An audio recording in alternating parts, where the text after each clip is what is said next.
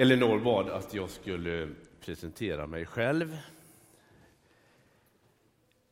Jag kommer från västkusten, uppvuxen på en eh, liten ö från fiskarsläkt. Och eh, min far var fiskare och han hade ett bekymmer hela sitt liv kan man säga. Han tittade ofta sorgset på mig och tänkte att när ska Leif få ett riktigt jobb egentligen? Jag har nämligen varit predikant och lärare hela livet och är så fortfarande, så man kan säga att hans önskan gick aldrig i uppfyllelse. Sorgligt men sant. Jag eh, är pastor i Ekumeniakyrkan som det heter numera. Den ändrar ju namn med jämna mellanrum. Nu, nu heter den Ekumeniakyrkan.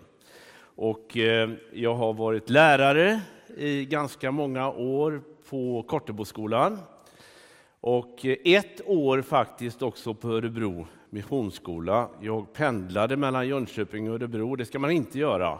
Alltså man ska inte åka eh, tåg på tvären i Sverige, utan på längden.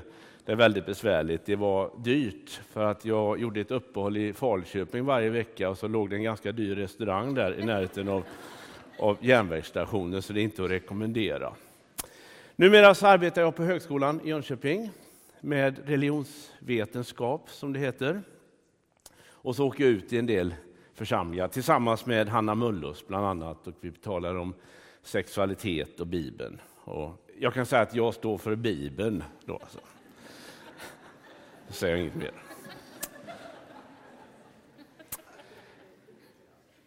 Eh, jag vill sätta fokus idag på en kyrka för hela livet.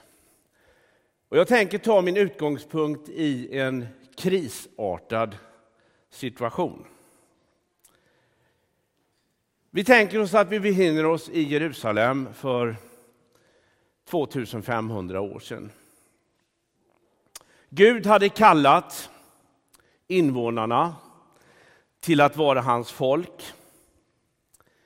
De hade byggt ett tempel de firade gudstjänst, de bad och de sökte Herrens ledning för sina liv. Men så uppstod nya omständigheter som förändrade allt. Staden hade erövrats av ett mäktigt folk österifrån, babylonierna. Och plötsligt så fördes de bort från templet som nu låg i ruiner, bort till ett främmande land i fångenskap. Gudstjänsterna blev ett minne blott. Bönerna, sångerna tystnade. De blev uppgivna, missmodiga. Och det gjorde att många började ställa in sig på ett nytt liv. Ett nytt liv utan den där kallelsen utan Gud. Ett annorlunda, nytt liv. Den här scenen, det är en historisk scen, men den är inte obekant för oss alla. Vad händer när olika omständigheter i livet för oss in i återvändsgränder? När missmodet och tvivlet tar över. När vi vill ge upp. Och vad händer när en församling hamnar i en sån återvändsgränd, eh, i en sån kris? Ja, det är med de här frågorna som jag skulle vilja säga någonting om det bortförda gudsfolket i Babylonien. För plötsligt hände någonting.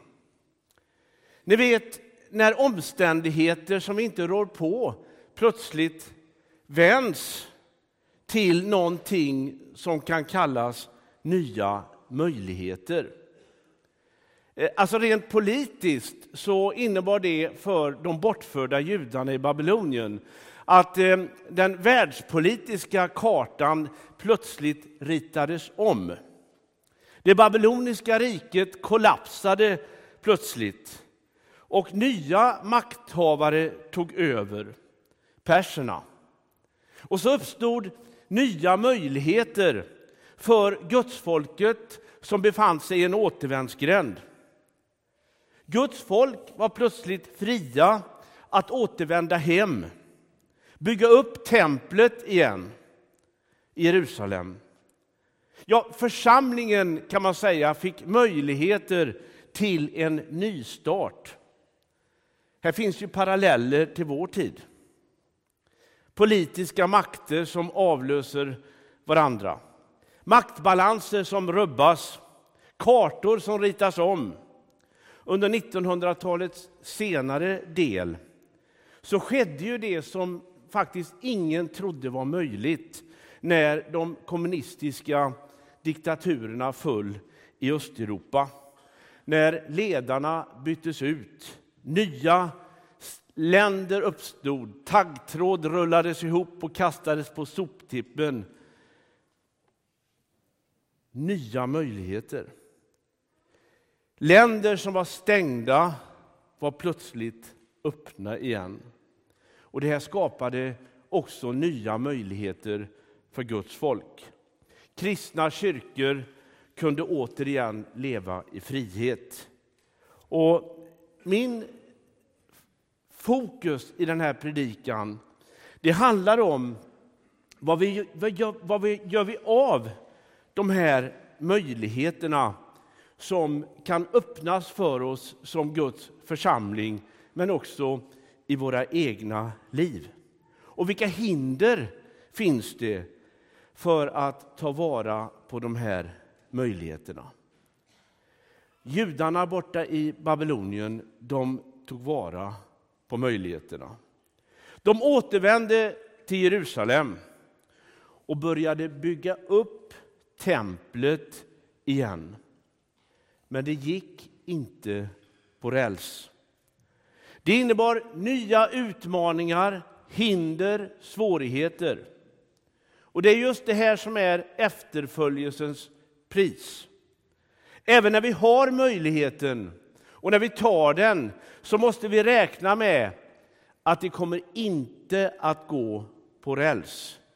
Vi måste, som Paulus säger, genom många lidande komma in i Guds rike. Men nu till Babylonien. Hur började det? Hur var starten på det stora återvändarprojektet? Ja, det står att under ledning av en person som hette Zerubabel, en politisk ledare, så står det att en första skara av de som befann sig där borta i Babylonien återvände till Jerusalem för att bygga upp templet igen. Sen följde flera grupper efter. Vi vet inte hur lång tid det tog, men först pionjärerna, sen grupper som följde efter. Och när den skriftlärde Esra skriver om vilka som hade återvänt till Jerusalem så skriver han på följande sätt.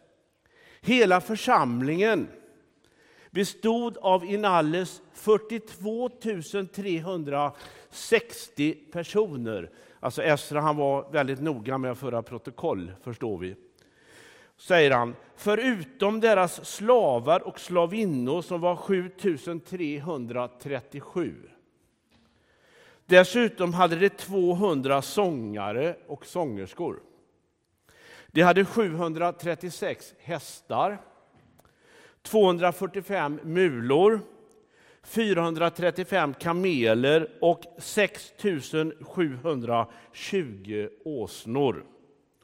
Observera att sångarna inte räknas in bland det vanliga folket utan för samman med slavar, hästar, mulor, kameler och åsnor.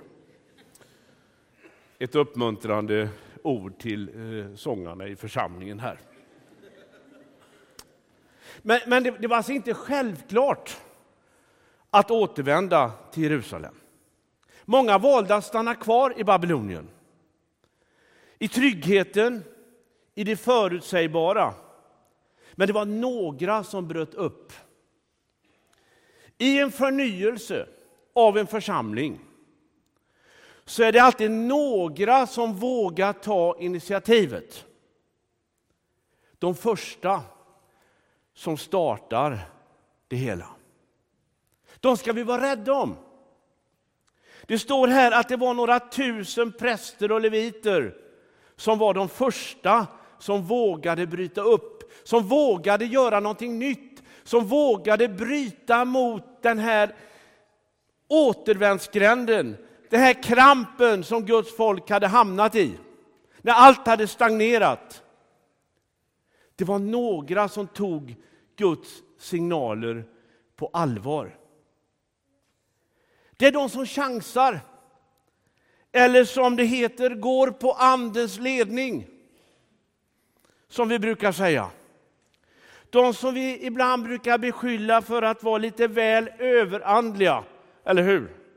Se inte så fromma ut nu. Ni vet sådana där som vi ibland kallar för världsfrånvända kristna fanatiker. De som agerar först och ser över kalkylerna i efterhand.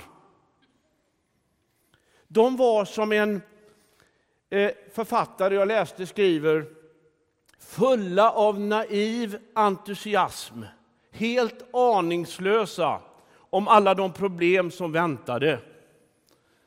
Ni vet sådana där överandliga som vi tycker är ansvarslösa. Jag hörde en, en ganska rolig judisk historia faktiskt om detta. Det var ett, ett par som hade en dotter som hade fått ihop det med en sån här fanatisk studiestudent ni vet, eh, som skulle frälsa hela världen. Ja, det gör man ju inte i judendomen i och för sig, men han ville det. Och han var sån där, ni vet att Gud ordnar allt. Och eh, det gick inte att tala honom till rätta, utan han såg liksom bara möjligheter i allting och de tyckte att ja, de var ju oroliga för deras dotters framtid naturligtvis ihop med den här fanatiken. Så att eh, den där frun i familjen övertalade pappan att försöka tala honom till rätta, är du snäll. Och han sökte upp honom och sa så här att, ja, hur har du tänkt dig nu framtiden? Gud ordnar allt. Hallå. Och jag menar, var, var någonstans ska ni bo? Gud ordnar allt. Och, men det här med pengar och inkomster och så, alltså det går ju inte att leva på luft. Alltså, jag menar, du måste ju på något sätt tänka på att du måste ju försörja våra dotter. Gud ordnar allt sa han. Och han gick ganska bra eh, tillbaka. Till, eh, han gick tillbaka, den här mannen, till hustrun. Och då frågade hon, hur gick det? Jo, han sa att jag en negativ nyhet och en positiv. Och så sa han så här att eh, eh, eh, tappar ju det hela. Vilken förväntan! jo, han sa så här att, eh, att... Jo, det negativa... Nu kom jag på det. Hela poängen. Det negativa, sa han, det är att han är värre fanatiker än vi hade föreställt oss. Och det positiva, det är att han tror att jag är Gud. Jag menar, någon, någon måste ju liksom på något stå för, för ansvaret och pengarna till sist.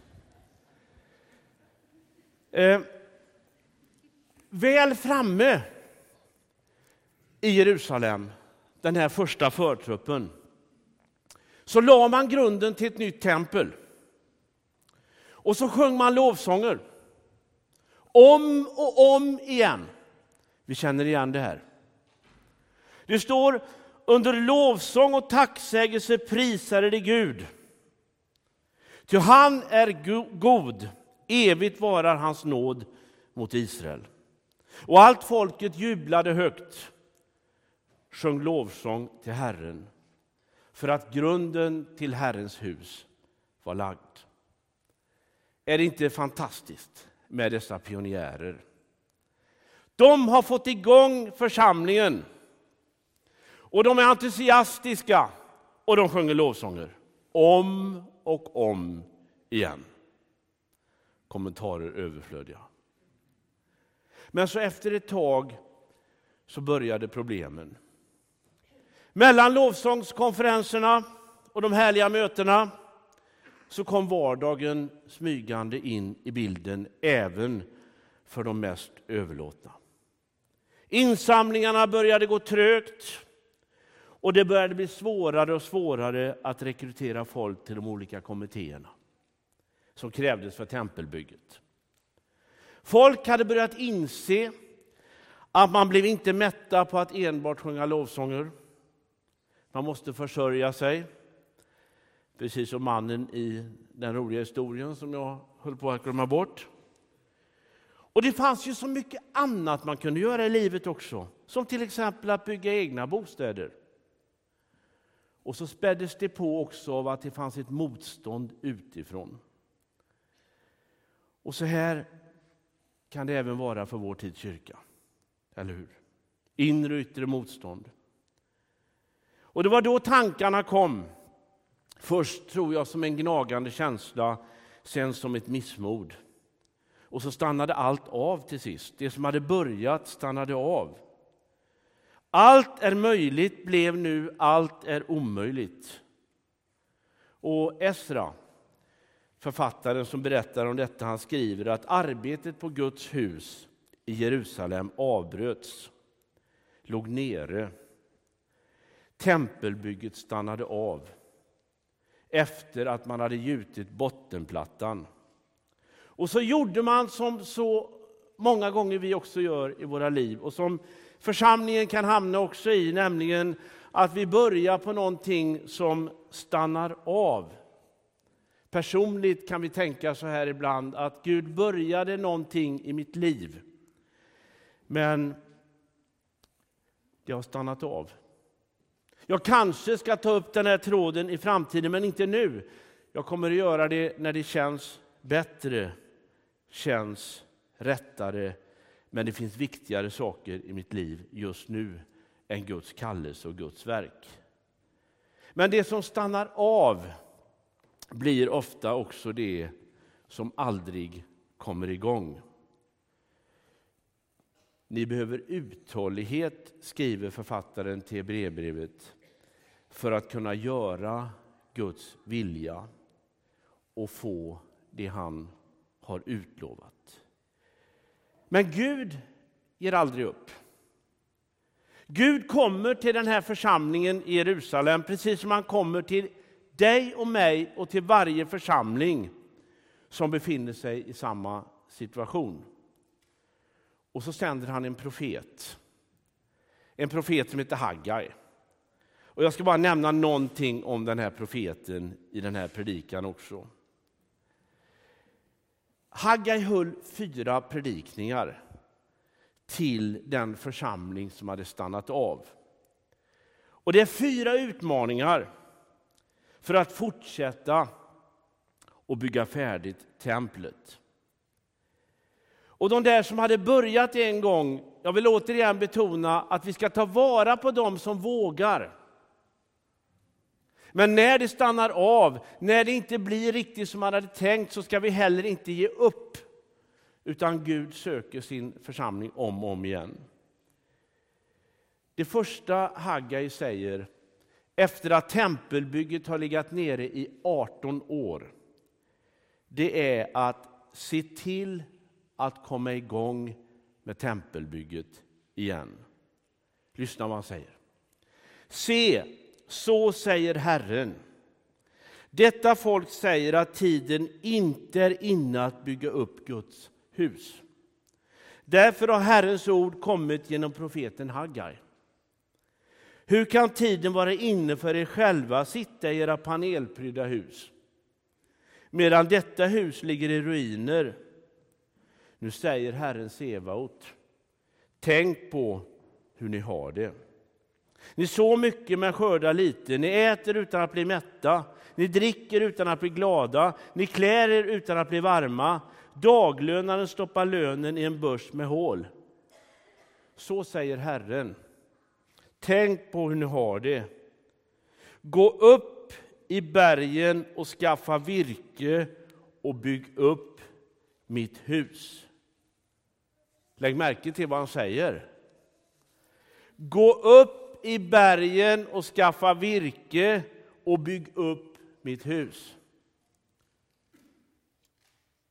den här förnyelsen som profeten eftersträvar. Det handlar om att de ska bege sig upp i bergen och skaffa virke och bygga huset. Han säger inte att de måste be lite mer. Eller hur? Han säger inte att de måste gå på lite fler gudstjänster. I det här ögonblicket så är det praktiskt arbete som gäller. Och det är det som är här nyckeln till församlingens förnyelse. Det tycker jag är fascinerande. För, för profeten Haggai så är praktiskt arbete lika andligt som att läsa Bibeln och be. Men jag menar, I kyrkan har vi haft en tendens att liksom undervärdera det praktiska arbetet, eller hur? Det är inte där förnyelsen kommer. Eller som jag hörde en styrelseordförande i en församling sa en gång. Ni pastorer får ta hand om det andliga, så tar vi hand om det praktiska. Allt som sker i en församling är andligt. Haggais budskap är enkelt. Det handlar om vikten liksom att bestämma sig och komma igång. Det handlar om att handla. Jag menar, vi är ju experter på att förhala saker och ting, eller hur? Jag menar, eftertanke är bra. Men ibland så blir ju eftertanken förlamande för oss. Jag menar, tänk bara den här kommentaren vi hör så ofta, när vi måste be lite mer för detta. Och det låter ju så fromt och så bra, men vi kanske inte tänker på att vi kanske har bett om detta och vi har bett över detta oändligt lång tid. Nu är det dags att handla, eller hur? Det där med bönen som undanflykt för handling. Det kan ju tyckas vara lite farligt att säga det. Det, det finns ett exempel i Bibeln på detta i Josua-boken, det sjunde kapitlet. Där det står att Josua hade lett folket in i landet, ni kan det där när han leder folket in i det utlovade landet. Och så lider de ett väldans nederlag. Ja, först intar de Jeriko med buller och bång, eller hur? Och så ska de ge sig på en liten ort som heter Aj. Jag tycker det är ett lämpligt namn. För det gjorde väldigt ont. Och, och de var lite sådär studdiga där va? och de tänkte liksom att det där ska väl vara enkelt ordnat, men så, så lider de nederlag. Och då står det att Josua kastade sig ner på marken och låg inför Herrens ansikte. Han rev sönder sina kläder. Han låg där och bad en hel dag. Han tog en hel bönedag. Och sen när äntligen svaret kom från Gud så säger Gud så här, och ni kan läsa själva, han säger så här, varför ligger du så där på ditt ansikte? Vilket bönesvar! Stå upp, säger han. Stå upp!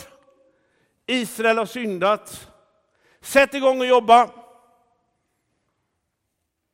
Ni vet det där med bön som undanflykt. Vi behöver handla också som Guds församling. Och de här som hade kommit tillbaks till Jerusalem, som hade stannat av i sin utveckling, stannat av i sitt återuppbyggnad av tempel och Herrens församling, ja, de behövde sätta igång på allvar att bygga upp Herrens tempel. Så jag skulle bara vilja sammanfatta det första Haggai säger. Han säger att undervärdera aldrig praktiskt arbete i församlingen. Allt som sker i församlingen är andligt.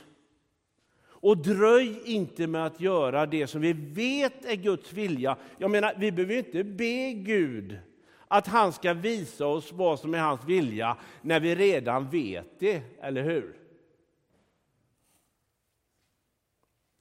Det andra Haggai säger, som ett led i förnyelsen av gudsfolket, det är satsa på innehåll och inte på yta. Så här säger han. Finns det ännu någon bland er som såg detta hus i dess forna härlighet? Vad ser ni nu? Ingenting. Eller hur? Fatta mod, Serubabel, säger Herren. Mod, allt folk i landet. Till verket. Jag är med er, säger Herren Sebaot. Och min ande finns hos er. Var inte rädda, ty så säger Herren Sebaot. Inom kort, mycket snart, ska jag skaka himmel och jord, hav och land. Jag ska skaka om alla folk. De ska komma med sina dyrbarheter. Jag ska skänka härlighet åt detta hus, säger Herren Sebaot. Härligheten hos detta hus ska bli större än den förut var, säger Herren Sebaot. På denna plats ska jag ge er fred och välgång. Så talar Herren Sebaot. Lägg märke till orden. Finns det ännu någon bland er som såg detta hus i dess forna härlighet? Vad ser ni nu? Ingenting. Jag menar, redan när bygget började för 18 år sedan, när de första entusiasterna la den här grunden, så var det säkert de som tvekade i den återvändande församlingen. De som stod och tittade på när de göt plattan, som jag brukar säga, det gjorde de inte, det är en anakronism, men de skapade grunden. Och tänkte, men herregud, vad är detta? Varför tänkte de så?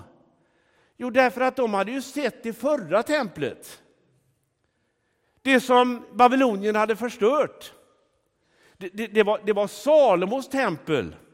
Det som beskrivs i krönikeböckerna som bestod av all inredning av rent guld och som var en av de mäktigaste byggnaderna som någonsin hade funnits i hela antiken, höll jag på att säga. Det fanns säkert andra också, men det var ett fantastiskt bygge.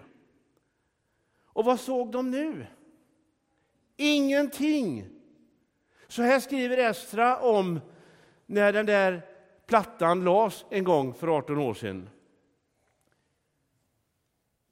Många av prästerna och leviterna och familjeöverhuvudena som var så gamla att de hade sett det förra templet grät högljutt. Men många jublade och ropade ut sin glädje för full hals. Det var alltså de yngre som inte hade sett det gamla templet. Man har inget att jämföra med. Ja, till sist gick det inte att urskilja gråten i det väldiga jublet. Folket jublade så högt att det hördes vida omkring. Det verkar som att lovsångarna tog över. De äldre grät. De jämförde hur det en gång var och detta som nu kom här. Jag menar, det var väl ungefär som skillnaden mellan ett enkelt bönehus på Östgötaslätten och Linköpings domkyrka. Det finns sådana. Jag vet inte vilken jämförelse man ska göra. Jag menar, i den jämförelsen så kan man ju säga, om vi tar på det yttre, så är det inte mycket att komma med det där bönhuset. Vad är det profeten säger? Jo, han säger att vi ska inte fästa oss på ytan, utan vi ska se på innehållet. Herrens härlighet. Och det vi ska ställa det är frågan nu hela tiden, finns Herrens härlighet i huset? Jag menar hus och tempel, det är ju väsentligt, eller hur, för att vi ska fungera som församling. Och det är bra med en omfattande verksamhet och det är bra med mycket folk som kommer. Det är bra med ändamålsenliga lokaler och allt det där som vi brukar säga. Och, och, och numera så sker det väldigt mycket i våra kyrkor. Folk äter, gör läkarbesök och spelar innebandy och, och, och tränar och, allt möjligt sådär. Ja, det är bra. Det är jättebra. Det är bra att människor kommer till kyrkan. Men det är inte husets utrymmen eller ändamålsenlighet eller skönhet som ska locka folk. Utan vi måste ställa frågan, finns Herrens härlighet i huset? Och jag tror att det ligger liksom en dold kritik i profetens ord när han säger att härligheten hos detta hus ska bli större än det förra huset. Församlingens kallelse, det är inte att imponera med den yttre härligheten. Församlingens uppgift är att presentera Jesus Kristus. Han som bor mitt i församlingen. Det är denne Jesus som Haggai kallar för Herrens härlighet. Innehållet är viktigare än förpackningen. Men om vi underlättar i församlingen för att denna Herrens härlighet ska bli uppenbarad för alla människor genom evangeliet, då är det bra med den verksamheten. Men egentligen, och det kan ju vara lite chockerande för den kristna församlingen i vår tid, egentligen är ju inte församlingen beroende av särskilda lokaler överhuvudtaget.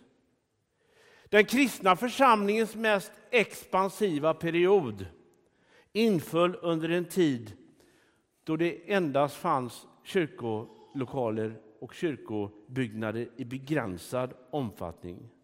Idag är församlingen så förknippad med lokaler och kyrkobyggnader att vi har svårt att ens tänka oss att församlingen kan existera utan de här byggnaderna. Och det beror på, tror jag, att ibland har vi vår identitet i verksamheten och lokalen och utanpåverket och inte i livet, Herrens härlighet. För det tredje, Haggai säger se möjligheterna att bli välsignad. Tänk på hur det, hur det blir, säger han, från och med idag. Alltså när de väl har satt igång att bygga Herrens tempel. Tänk efter. Förr så gick det inte bra. Men från denna dag ska jag skänka er välsignelse, säger han. Och så vände allt när man började tempelbygget. Och nu kanske någon protesterar och säger att är inte detta helt enkelt förenklad framgångsteologi han presenterar? Gör så här så blir det så här. Men vi vet att det är inte så enkelt, eller hur? Vi har Jobs bok i Gamla testamentet, han som var rättfärdigare än någon annan och det gick åt pipan alltihop i livet för honom. För att göra en snabb kommentar över den boken. Men, men låt oss ändå ta fasta på någonting väsentligt i Haggai säger. När han uppmuntrar dem att gå vidare och säger att det kommer att vända. Han inbjuder oss att delta i någonting större. Något som kan ge våra liv mening och mål. Att satsa på Herren, det är aldrig bortkastad tid. Tvärtom, det leder till välsignelse. En av de mest smärtsamma upplevelser jag varit med om i mitt liv faktiskt, som församlingsledare eller församlingspastor, det, det, det var när en en, faktiskt en, en, person i församlingens ledning sa att ja, min dotter ska börja en bibelskola. Jag har försökt liksom säga till honom att hon, hon ska inte kasta bort sin tid. Utan hon ska istället gå en vettig utbildning så hon får en, en, en säker framtid och en bra lön och alltihop det där. Jag kommentarer överflödiga. Det är inte att kasta bort sin tid att satsa på Herren. Att investera i sitt liv på Guds rike, det ger välsignelse. Välsignelse, det är det det handlar om. Och det kan leda oss in i någonting där vi som Jesus säger blir rika inför Gud. Och det är en annan rikedom än den rikedom som den här världen har att erbjuda. Det fjärde som Haggai säger, det riktas direkt till Zerubabel. Han säger, Zerubabel, du som är ledare för den här församlingen, ge inte upp. Du är delaktighet, du är delaktig i någonting större än du anar. Jag har ofta funderat på Zerubabel. Tänk er själva. Han hade lett församlingen tillbaks till Jerusalem. Och så var han pastor i en församling där det inte hände någonting under 18 år. 18 år hade gått. Han fick se en vankelmodig, missmodig, handlingsförlamad församling. Visserligen står det att han hade prästen Jeshua vid sin sida som stöd, men det verkar som han mest sysslade med sina egna revir. Ni vet sådana som pastorer som är noga med att enbart göra det som de är tillsagda att göra och ingenting mer. Det var alltså inget profetiskt budskap till Ryttargårdskyrkan nu på något sätt här, va? och dess fantastiska pastorer. Nej, det var Serebabel som fick bära huvudansvaret i församlingen. Och jag tror att han satt ofta på sin expedition och funderade. Han hade grundat en församling bestående av de där fanatikerna jag beskrev inledningsvis. Och det såg så lovande ut från början. Visionerna duggade tätt och framtidstron var på topp. Men så hade glöden falnat. Åren gick. Han hade varit pastor i 18 år och ingenting hade hänt. Det hade snarare gått bakåt. Istället för framgångsteologi skulle man kalla det för någon slags motgångsteologi. Han funderade, tror jag, många gånger på alla predikningar han hade hållit utan synbara resultat eller ens kommentarer. Ja, någon hade sagt det var bra att du inte höll på så länge. Är det kyrkkaffe idag förresten? Eller har jag missat det? Hur många gånger hade han inte velat ha hjälp i församlingen? Och hur många gånger hade han inte hört alla undanflykter, har inte tid just nu, befinner mig i ett känsligt läge i livet och så vidare. Nu är det så att vi kan befinna oss i känsligt läge i livet, så ni får inte se det här som ett slags påhopp på något sätt. Alltså livet kan vara komplicerat och i vissa faser i livet så har vi, så har vi kanske inte kan ägna den tid åt församlingen som, som vi skulle kunna önska. Men ändå är det allvarliga frågor. För ska det ske någonting i en församling så bygger det på att vi tar kallelsen på allvar och ställer upp. Någon måste göra jobbet och det är vi som är kallade att göra jobbet. Jag tror att Zerubabel, han hade börjat tvivla på sin uppgift.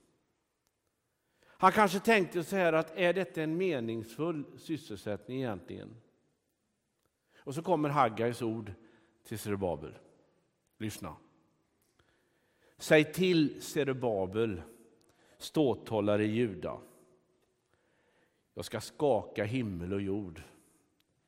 Jag ska välta kungarikens troner. Jag ska förinta främmande rikens makt. Jag ska välta stridsvagnar och manskap.